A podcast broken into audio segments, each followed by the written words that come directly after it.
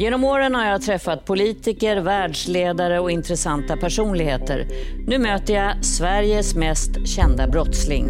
Här är Clark Olofsson. Clark Odert Olofsson, 75 år, född i Trollhättan. Han är Sveriges mest kända bankrånare. Dömdes redan som 19-åring till ett långt fängelsestraff. En mytomspunnen brottsling som klättrade över fängelsemurar och mutade fångvaktare. Alltid på rymmen. Ett liv han älskade mer än något annat. Överallt väntade kvinnor. Han är pappa till sex barn med fyra olika mammor. Han hade alltid bra betyg och blev antagen till Journalisthögskolan när han satt i fängelset. Han levde i symbios med pressen och under två decennier publicerades idolporträtt i media. Vi har två dagar nu hört att inne i valvet befinner sig alltså eh, rånaren, hans fyra gisslan och Clark Olofsson. Clark Olofsson blev synonym med Stockholmssyndromet i Norrmalmstorgsdramat där gisslan tydde sig till Clark och fruktade polisen. Hans liv har nu blivit en populär Netflix-serie med Bill Skarsgård i huvudrollen och som sålts till 90 länder. Mitt namn är Olofsson, Clark Olofsson. Och nu jävlar ska ni få höra min story. Clark Olofsson är en person som säger att han älskar frihet men har suttit mer än halva sitt liv i fängelse för misshandel, bankrån, mordförsök och knarksmuggling. Sedan 2018 är han en fri man. Men vem är Clark Olofsson i verkligheten? Omvittnat smart och varför valde han då ett liv i kriminalitet? Är det något han ångrar idag? Och hur ser han på sina brottsoffer?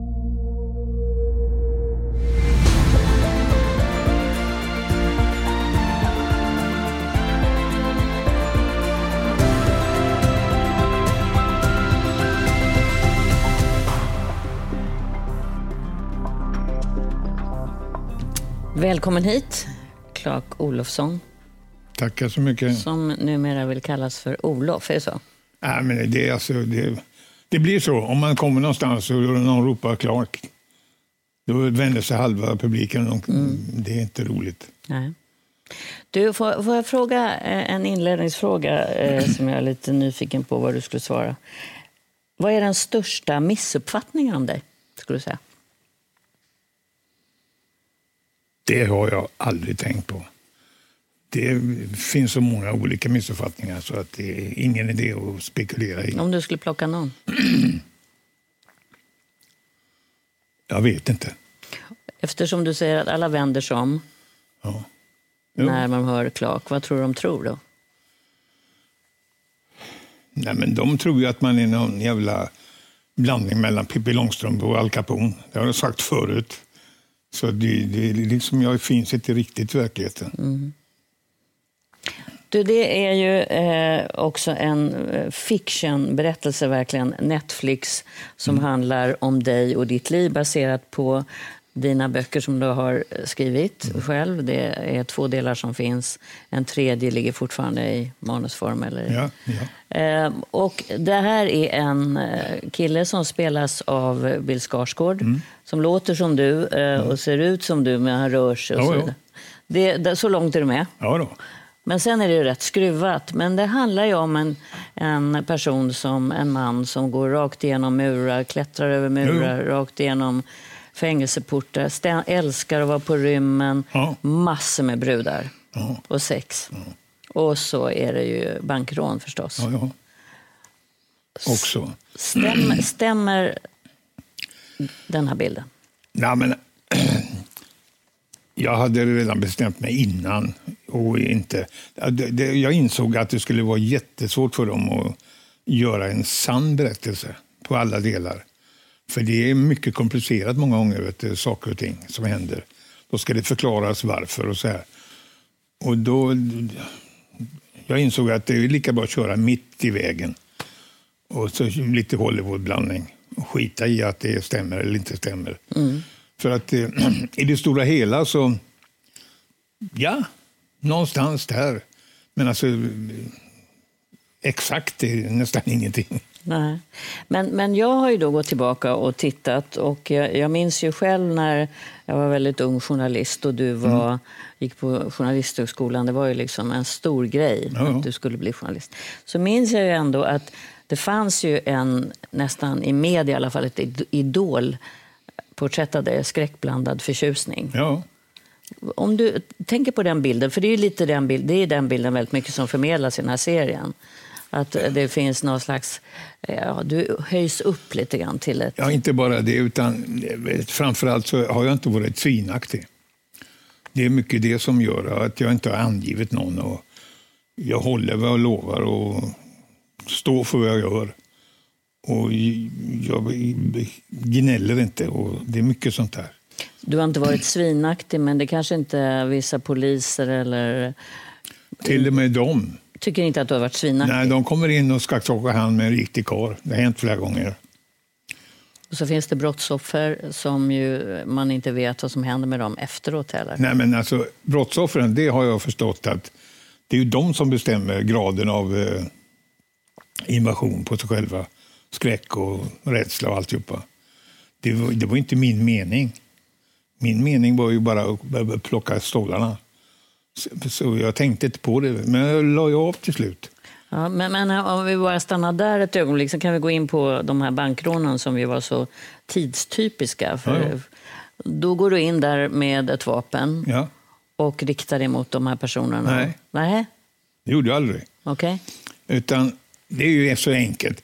Alltså en, en människa som är så pass eh, intelligent så att hon har fått jobb på en bank till exempel. Om hon ser en kille komma in med en puffra i handen utan att man behöver peka, då vet de ju att det, jag behöver inte säga något, jag sa aldrig någonting. Jag sa aldrig detta, detta är ett rån och stå still eller gap och skri. Aldrig.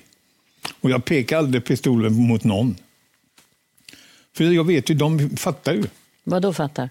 Ja, att jag är där för att hämta pengarna, inte och, då, skjuta och, då, och någon. då fick du pengarna? Jag fick rädda. inte, jag tog dem. Du tog dem för att de blev naturligtvis rädda också? Ja, visst, men alltså, det var inte det som var eh, meningen. Det var inte det som var huvudsaken. Nej, men det förstår jag. För du lever ju också i en värld och har gjort större delen av ditt liv där det här är vapen och den typen av miljöer Mhm. är ju vardag för dig. Men det är ju inte det om man sitter bakom i en bank. Nej, nej, nej, nej visst. Så att, eh, men det, har du förståelse för att det kan stanna kvar? Nej, det visste jag inte. Nej, det visste du inte. Nej, så att jag, jag la av sen också. Ja. Mm. Det, var inte, det var inte lika roligt. Det, var inte, det var inte samma sak. För det, jag kommer ihåg jag var i en direktsändning i radio. Mm. Och då var det, var det en tjej som eh, dök upp på linjen. Hon sa just saker och ting som jag aldrig ens har tänkt på. Hon livrädd för allt möjligt skit. Och det var inte det som var meningen. Mm. Vad tänkte du då när du hörde den där berättelsen? Jag tänkte att det, det, där var ju inte, det där var inte bra. Det var lite skamset. Men alltså, det spelar ingen roll om jag sa men herregud, jag hade inte en tanke på att hota dig. Eller, Nej, mm, det kunde ju inte hon veta. nej, nej, men alltså, det är inte jag som bestämmer det. Det är hon som bestämmer graden av eh, rädsla och alltihopa. Men du fick dig en tankeställare när du hörde hennes Jag fick mig en riktig tankeställare. Jag la av där. Du, de här eh, berättelserna i Netflix-serien som en ung generation som inte ens var födda då eh, får speglade nu av Mm. Ja. Bill Skarsgård. Tycker han gör dig bra? Ja, ja, för fan. Ja, för han låter ju som du Ja, ja, men han gör det och bra. går som du. Även om, ingen, ing, även om ingenting stämmer. Mina polare som känner mig, de var förbannade. Blev de? Ja, de blev förbannade därför att eh, jag är inte sån i verkligheten. Jag skulle till exempel aldrig eh, lämna en polare i nöd. Jag skulle aldrig ställa till det och, och sno saker. Vad menar du med det? Du har väl snott bilar? Nej, bilar ja, men alltså, jag går inte och snor juveler av någon jävla kärring som jag har ett förhållande med. Mhm, det skulle du aldrig gjort. Aldrig med min fot. Men för du, har- du har ju uttryckt det på, på ett sätt som kanske en del reagerar på. Att du var på fel sida om lagen, men du är hederlig.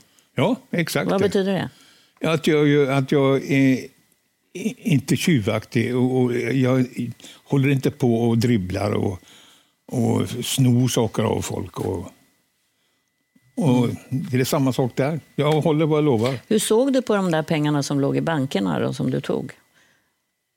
Ja, jag såg på dem som mina. Hur då menar, hur då menar du? Ja, då har jag lagt beslag på dem. Catch me if you can. Det kunde så. de ju ibland, men eh, någon sa till mig att du har ändå du har dömts väldigt många gånger, du har suttit i fängelse, men du har ändå gått på plus, var det någon som sa. Ja, ja, visst. Vad, vad, vad, kan du förklara vad, vad, vad det är då enligt?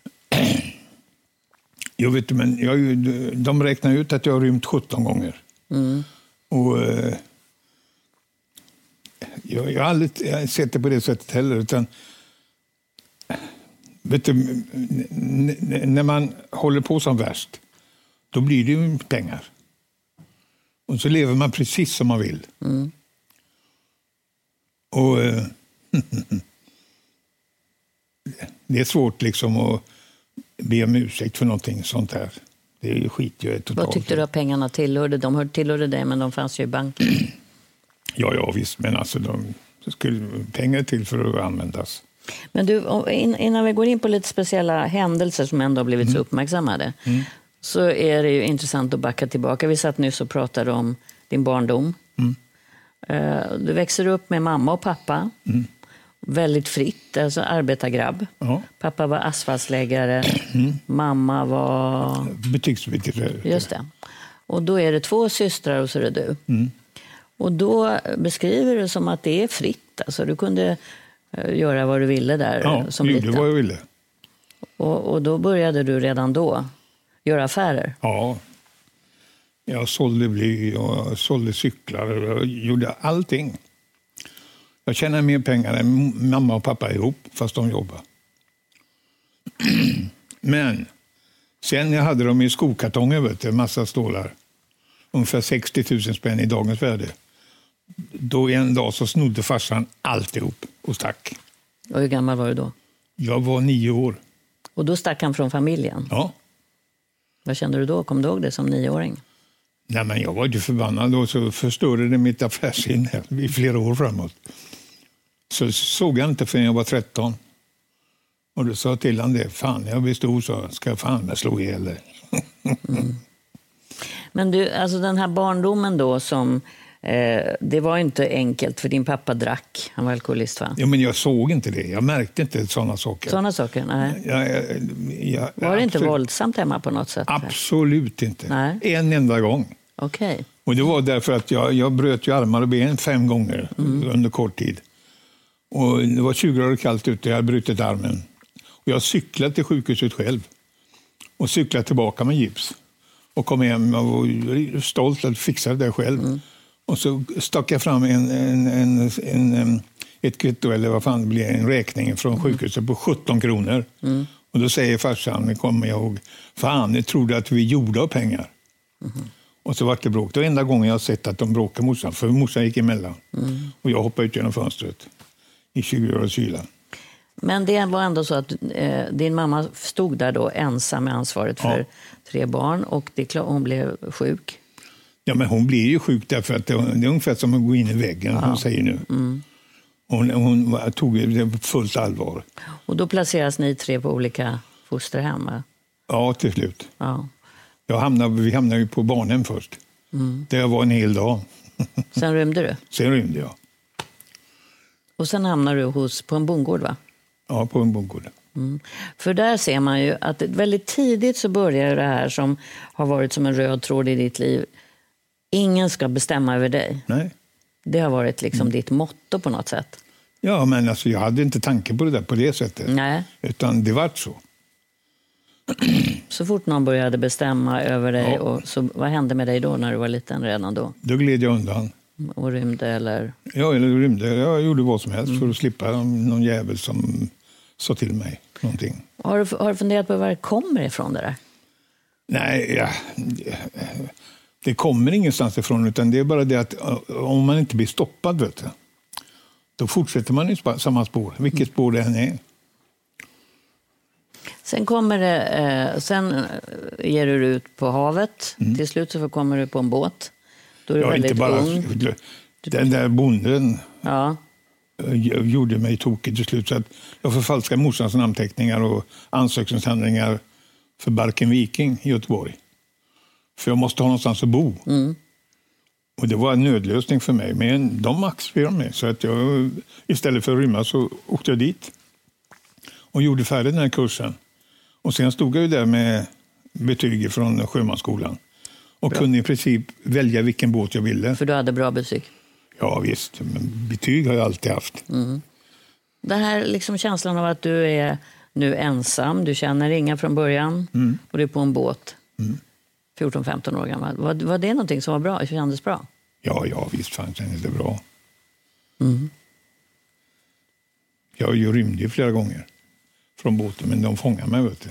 När du kom i land så rymde du iväg. Ja visst, Buenos flera gånger. Du, sen kommer de här... Eh, du har beskrivits med någon mening av någon journalist som försökte göra någon exposé över ditt liv som rebell på 60-talet, idol på 70-talet, nyrik på svart diamanthandel på 80-talet, knarkhandlare på 90-talet. Nej. Det där med knarkhandel, okej då. Om de hade problem, då dök jag upp. Så, det var så det började. Och det kunde vara knarkaffärer som, det, som skruvar, till, skruvar till sig. Och då, om jag löste det där, då tog jag en bit ur kakan. Vi ska återkomma till det, för det, för de här, det som är, har gjort dig känd är ju som bankrånare kan man väl säga ändå. Och det var ju en tid också som där Sverige såg annorlunda ut och du eh, gjorde då eh, först mindre eh, bankrån och sen ökade ju Ja, ja. beloppen. Eh, du också, gör också ett inbrott, då är du väldigt ung, i eh, en sportaffär eller något sånt där, en cykelaffär. Ja, Och då är du tillsammans med en eh, kille Gunnar Norgren, som eh, skjuter en polis till döds. ja visst, men det var den andra polisen som hoppade på honom bakifrån. Och hade inte han gjort det hade ingenting hänt. Men då eh, dör en polis trots allt. Ja, ja till slut. Ja. Och då så är, är ni, rymmer ni eller sticker ni? Eller? Ja, det är klart. Ja. Vad- hur länge är du på rymmen då? Ja, nästan en månad innan de fångade mig.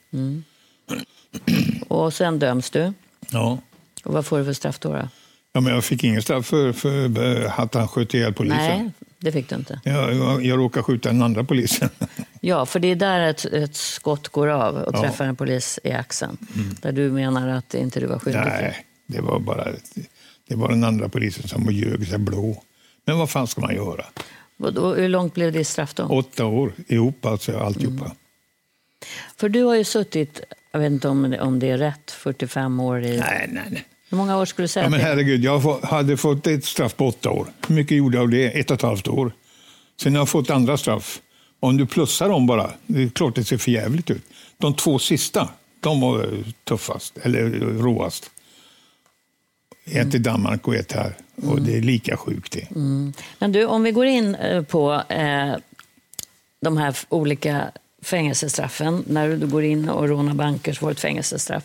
Då är du inne eh, på fängelse där du på något konstigt sätt då får du väldigt tydliga ramar. Så är det ju där. Och du, jag menar, det, men det är ju regler hela tiden, menar jag. Ja, men, herregud, de kan man ju skita i om man gör på rätt sätt. Och vad, hur gjorde du då? då? Ja, men jag vet fortfarande inte riktigt. De frågar mig, till och med fångar, hur fan gör du egentligen? Ja. Du styr och ställer överallt. Och di- direktören håller med dig. Vad- Men någonting kan du? Du mutade dem? Nej. Du var trevlig mot dem, eller vad gjorde du? Nej, jag, alltså egentligen försatte jag dem i en sån situation att om de gjorde som jag sa, då blev det lugn, och lugn ordning på kåken. Och gjorde de inte som jag sa, det var ett jävla problem med allting. Vad gjorde du då? då? Ja, men det vet jag inte exakt hur jag gjorde, utan det var manipulation av Guds nåde.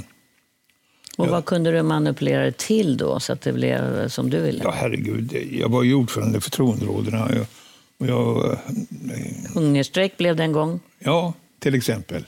Du fick med alla fångar. Ja, Och humanare kriminalvård, eller vad var det du... ja och sen vart ju man förhandlade med regeringen i tre månader. Är du kallhamrad och beräknande? Eller? Är beräknande, måste jag ju säga att jag är kallhamnad, det vet jag fan. Jag tror inte ens att eh, jag, jag hamnade i det facket. Men jag är jävligt manipulativ. Så att allt, nu när du sitter här så kan jag vara total manipulerad. Nej, alltså det är skillnad på, det är skillnad på så, alltså, olika situationer. Vet du, om jag ryggen mot väggen, sitter på Kumla, då gäller det fan med att ta till de verktyg som, som behövs. Jag men jag på ett sätt jag vet inte ens hur jag gör. Många tjuvar har frågat, hur fan bär du åt? Du kommer till ett ställe och du tar över alltihopa. Mm. På, på, och jag tänker ofta det, hur fan har jag gjort egentligen? Mm. Men sen när du var inne, det var ju många otåliga fängelsestraff. Jag vet inte hur många år av ditt liv som du har varit in, inlåst helt enkelt. Ja, men, ta, ta till exempel Studiegården. Jag var mer fri än, än fri där. Och ändå avtjänade jag straff. Studiegården, eh, som du skriver om i din bok, det var ju ett, vad ska man säga, att det var ett experiment på den tiden. Att man skulle få komma dit som dömd och, och studera. Mm. Och de såg dina, din potential och din intelligens. Nej. Gjorde de inte? Nej. Jo, men det var väl därför du fick komma dit, var det inte det? Nej. Nähä? Varför fick ja, du... Det är en lång story. Jag, jag kom dit för de orkade inte med mig. Ah, okay. På, det sista var Tidaholm. De ville bara iväg. Mm. Och då kom du i alla fall dit. Och det, din skildring av när du kommer dit mm. är att du, du skannar av de där lärarna, mm. ser ner på dem ganska mycket. Någon beskriver du som en blek sparris. Ja, ja, ja. Någon var liksom... De var ju det. Ja. Så du liksom har, skannar av dem och tycker att de är rätt töntiga? Ja, men tre utav fyra väktare köpte jag. Och hur köpte du dem då? Ja, både med pengar och brännvin. Och, och var, kom det ifrån? Då? Ja, men jag, jag gjorde massa saker där uppe. Ja, för du, vad du gjorde var att du klättrade ut på nätterna över Bland annat. staketet ja. och körde affärer utanför. Ja, ja. Och det gick att muta dem då? Ja, ja, ja. Herregud. För det är en otrolig historia. Du, ni lyckas ordna avlyssning så ni vet när de pratar om er. Ja, visst. Inne på i fängelseledningen.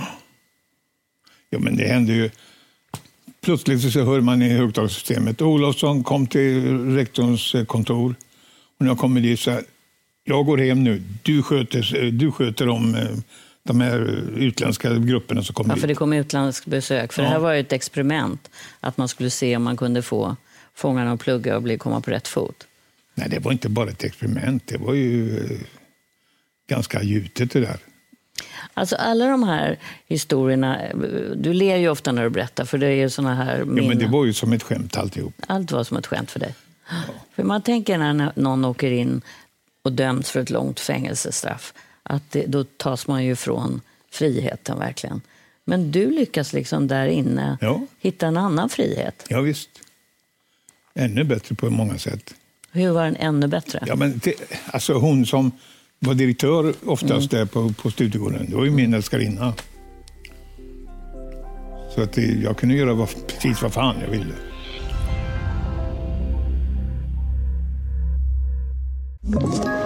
Ett poddtips från Podplay. I fallen jag aldrig glömmer djupdyker Hasse Aro i arbetet bakom några av Sveriges mest uppseendeväckande brottsutredningar går vi in med hemlig telefonavlyssning och, och då upplever vi att vi får en total förändring av hans beteende. Vad är det som händer nu? Vem är det som läcker?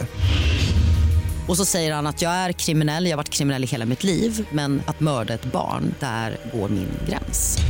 Nya säsongen av Fallen jag aldrig glömmer på Podplay.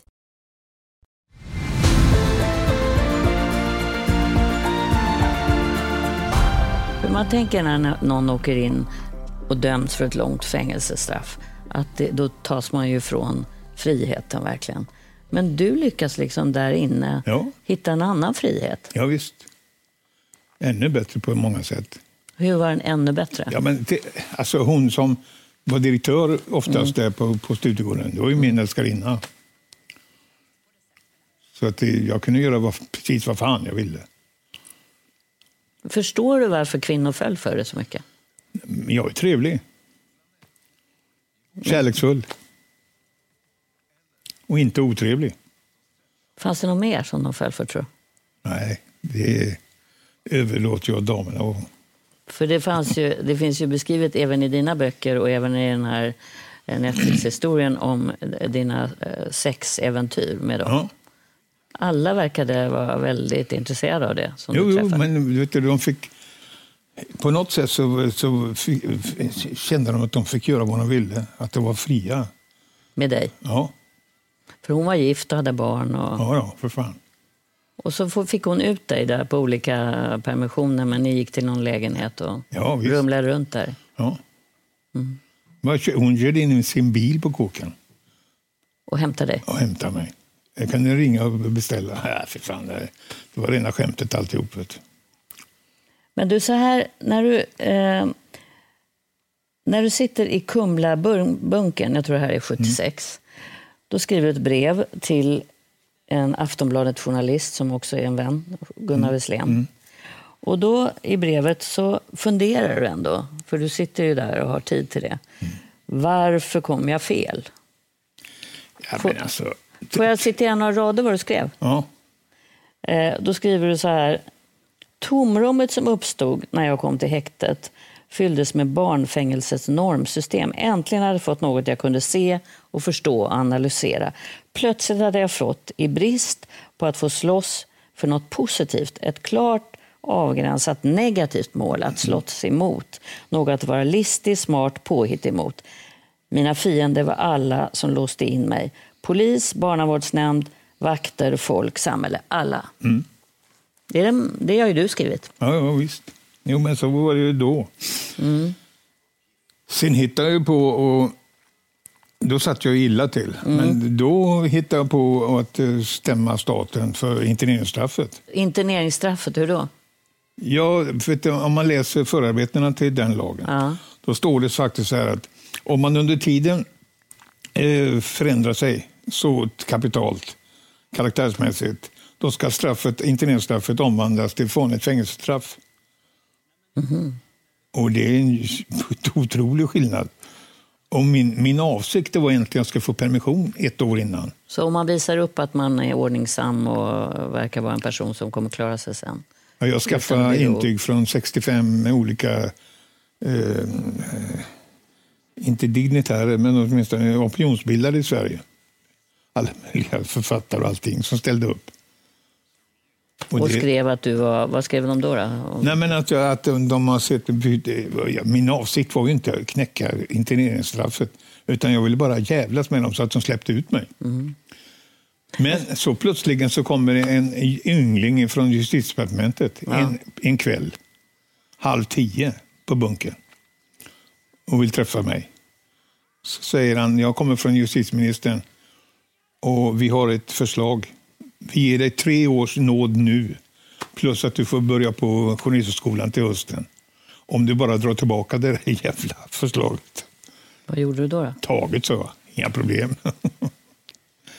så de är åtta åren ute försvann ingenting. Och då är det ju också otroliga scener som man kan se i gamla dokumentärer och i gamla eh, filmer. Att du håller presskonferens Ja. inne på fängelset. Ja. Och det kommer massor med eh, journalister, och, för då har du kommit in på Journalisthögskolan. Ja. Du gör liksom entré där från en trappa och sätter dig. Ja, visst, han kommer som Jesus från himlen, stod det. Och vad, vad, vad känner du då när du sitter där inför alla journalister och har, tar, tar in, det här provet klarar de alla rätt? Och så Ja, du visst. Ja. Nej, men herregud, jag tog det helt naturligt. Herregud. Men du fortsätter ju inte som journalist sen. Nej, men vad fan, de vill ju bara att jag skulle skriva kriminalskit. Ja. Och, och jag skulle stå sist i kön på alla möjliga sätt. Där, så dra åt helvete med.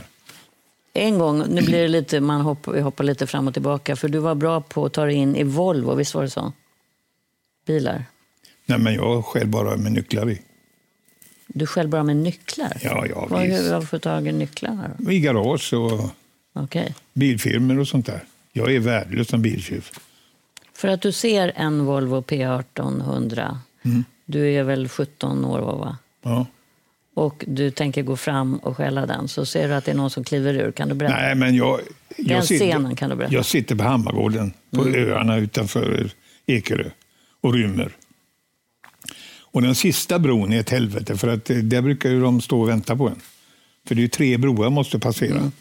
De två första klarar jag av. Och så skulle jag över den sista tänkte jag, fan ska jag ta mig till? Då är jag Drottningholmsparken.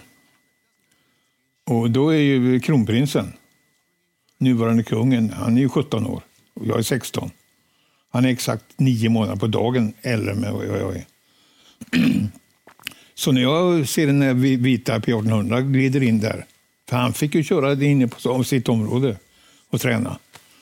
Och bromsa, tänkte jag, den klipper jag. Och jag är alltså bara 3-4 meter ifrån. Då han kliver ut och hänger ut sitt kungliga organ och pissar. Det går inte, jag, kan inte, jag kan inte knocka kungahuset. Så han fick glida iväg. Jag klarar, jag klarar mig i alla fall. Du stjäl också en bil när du är väldigt ung och eh, krockar, hamnar på sjukhus att alla tror att du är död. Jag var då ung. Jag var ju, hade rymt ifrån, enda som har rymt ifrån Eskilstuna polishus, femte våningen. Och eh, de jagar mig så in i helvete. Så jag stjäl en Alfa Romeo. Och precis när jag stulit den kommer ut på vägen. Och då immar den igen, jag ser inte. Och, och, och så jag gasar ju som vanligt.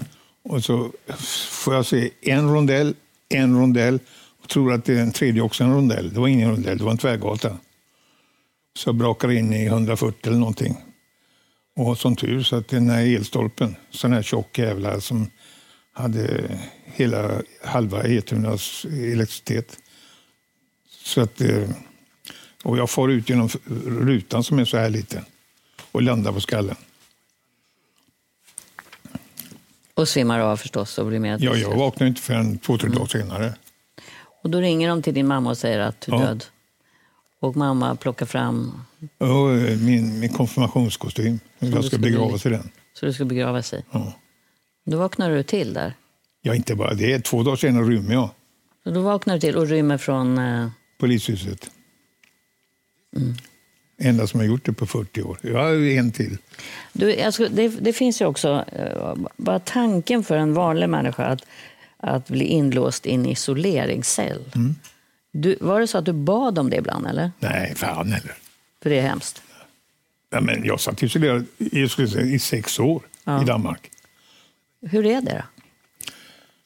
Ja, men jag, jag pallar med sånt. Jag vet inte varför. Och jag bryr mig inte om att analysera heller. Utan jag hittar på, hittar på själv vad jag ska göra. Jag läser mycket och skriver mycket. Så jag har ingen känsla Vänder du på dygnet? Ja, oftast. Oftast. Mm. Sov på dagarna och, och, skrev och läste på nätterna? Ja, men jag gjorde... Jag, gjorde, jag vaknade när jag vaknade, sov, somnade när jag somnade. Mm. Det finns ju också en händelse som är historisk. Året är 1973. Olof mm. Palme är statsminister. Ja. Gamle kungen ligger för döden. Ja. Vet jag. Det var mycket som hände då. Och då eh, så vad som då händer är att eh, det kommer en person utklädd med peruk och allt möjligt mm. eh, och tar sig in i Kreditbanken som mm. låg vid Norrmalmstorg och tar gisslan. Ja. Och så kräver han att få dig mm. dit mm. som någon slags vadå, förhandlare. Eller mm. vad? Ja, det här är ju väldigt kontroversiellt. Olof Palme var i allra högsta grad inblandad i det här. Vad tänker du när de hämtar dig? För du satt ju inne då. Ett hårt straff. Ja, visst, men alltså... när jag, så fort jag hörde eh, vad det var frågan visste jag ju direkt att det var han. Vem att det var? Eh, Janne Olsson. Mm. Men du, du hämtas och du förs in där mm. i bankvalvet. Ja. Där finns det tre stycken, en man och två, två tre unga personer. Ja. Tre tjejer och en kille. Ja, fyra stycken. Tre tjejer och en kille. Eh, och då eh, har ju framförallt en av dem, som är en vän till dig idag, mm. Kristin, mm. beskrivit att eh, det, de fanns någon slags lättnad när du kom in där. Ja, ja, det är klart. För du kommer in ganska lugn och ja. Och försöker lugna ner honom framför allt? Nej. Gick in, gjorde du inte? Nej, det var skit, skit, skit totalt i vad han tyckte och tänkte. Jo, han var ju rätt farlig. Han var, ju... han var inte alls farlig. Aha, okay. Han var helt... Jo, en hönsatjuv för fan. Det här blir ju otroligt uppmärksammat, det här dramat. Ja, du dömdes inte för det här, ska man säga. Nej. Eh, utan eh, det var ju inte det, du som hade velat komma dit. Men du, det ansågs väl att du hade en stor del att göra med att det blev en upplösning. Skulle du säga det? Nej. Det hade du inte? Det hade jag inte, absolut inte. Nej, men alltså, dealen var så här, fast inte jag som gjorde dealen. Det var de som gjorde deal med mig. Om du ser till att ingen blir skadad, då så, så, så, så. De hade till exempel sagt att du får sex veckors permission. Du får till och med klippa en bank innan du sticker. Sa polisen det? Ja, visst. Du, om, man, om man tittar på den, det som har kallats för Stockholmssyndromet, nämligen att de, eh, kunde mer, de kände sig tryggare med dig än vad de gjorde med polisen. Eh, och Kristin, som då var en av eh, gisslan, Kristin Enmark, som själv har skrivit om det här. Hon och du, eh, du, var det du som började brevväxla med henne? Eller hur var det? Nej, men jag kunde inte göra någonting. Vet du, jag trodde ju att fort de kommer ut och i händerna på polisen och psykologer så vänder de. Men det gjorde de fan inte. Vet. Och det, det slutade med att till och med psykologerna höll med. Att jag var en trevlig jävel egentligen. Men det tyckte hon också. ja, Och du tyckte hon var trevlig. ja, visst. Jättetrevlig. Så att ni inledde ett förhållande. Ja.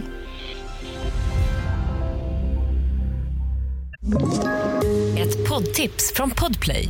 I fallen jag aldrig glömmer djupdyker Hasse Aro i arbetet bakom några av Sveriges mest uppseendeväckande brottsutredningar. Går vi in med hemlig telefonavlyssning och, och då upplever vi att vi får en total förändring av hans beteende. Vad är det som händer nu? Vem är det som läcker? Och så säger han att jag är kriminell, jag har varit kriminell i hela mitt liv men att mörda ett barn, där går min gräns. Nya säsongen av Fallen jag aldrig glömmer på Podplay.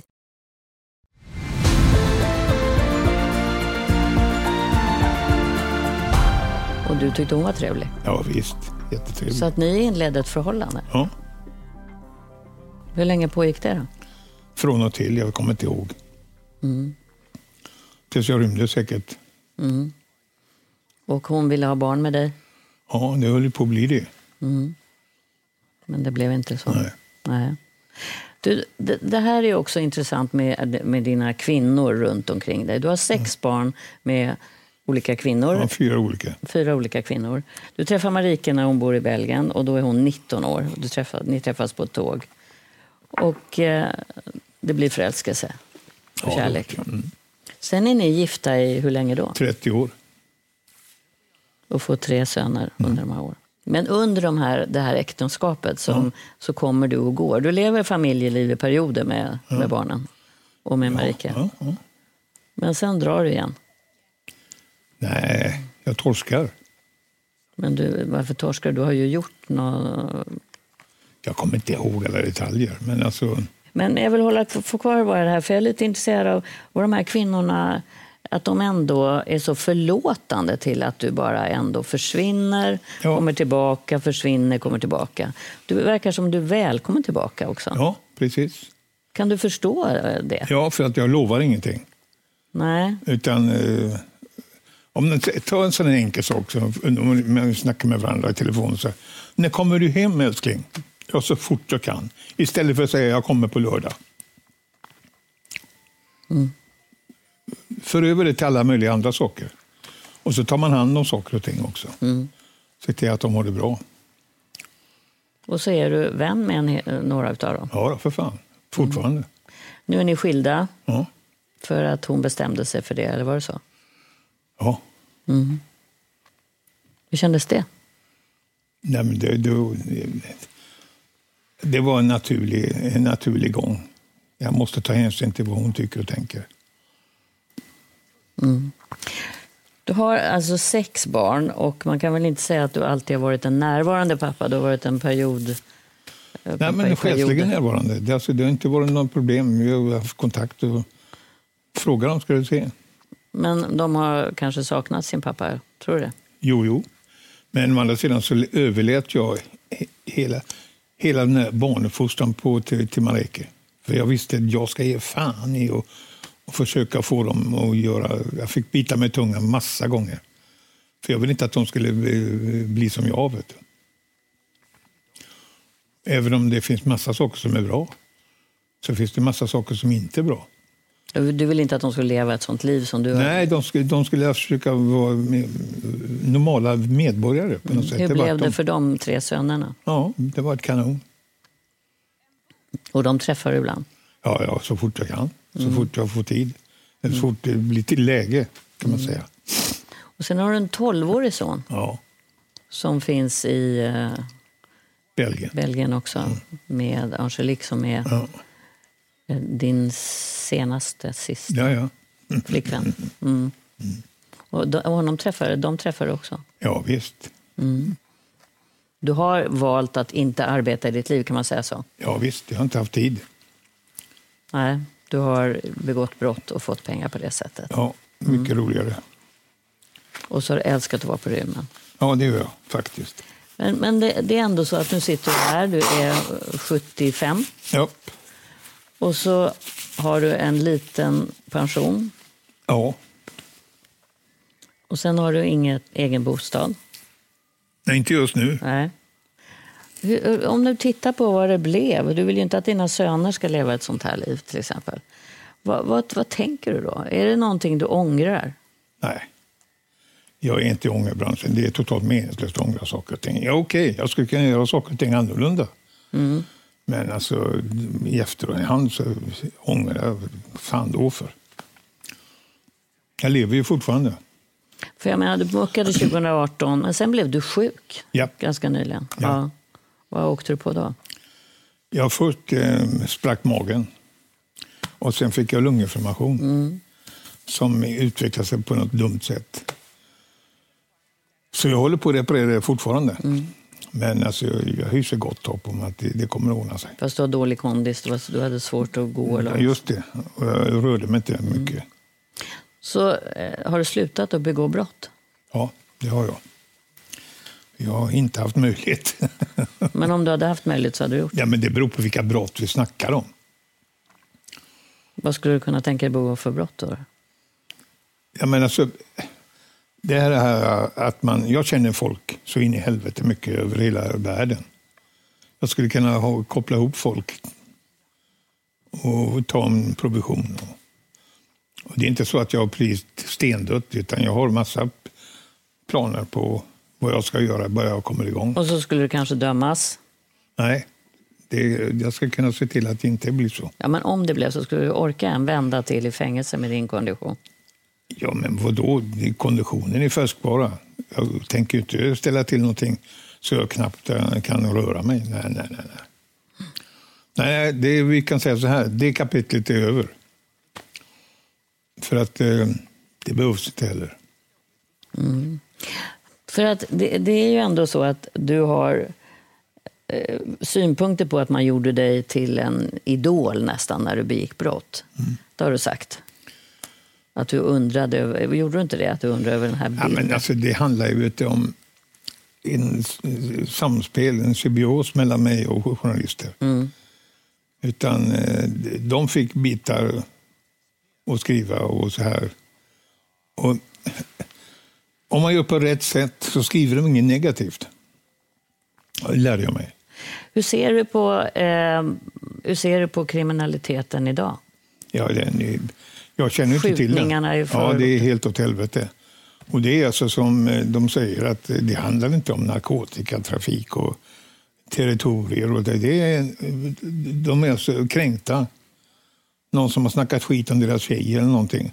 Istället för att som förr i tiden boxas, gå runt hörnet och slå, eh, lite slags, ett litet slagsmål, så går de och skjuter varandra istället. För, för det är ju intressant ändå. Du ångrar ingenting. Du har ett...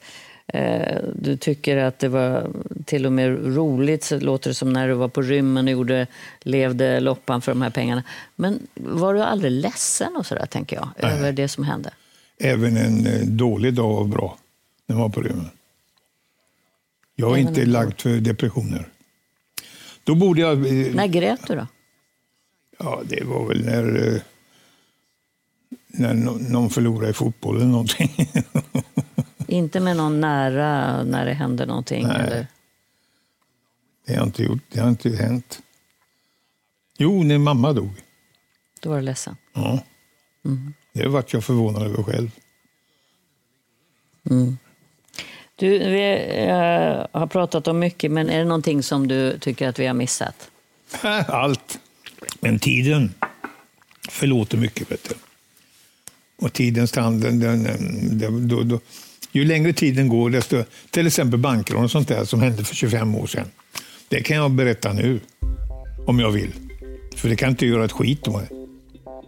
Ja, tack för att du kom hit. Ja visst, herregud. Clark Olofsson, eller Olof som du vill heta.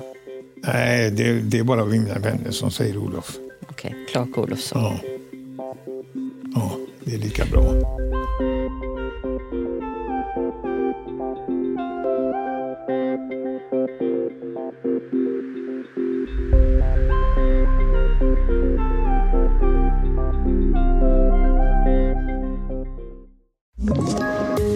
Poddtips från Podplay.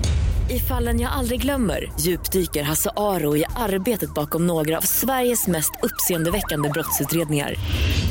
Går vi in med hemlig telefonavlyssning och, och då upplever vi att vi får en total förändring av hans beteende. Vad är det som händer nu? Vem är det som läcker?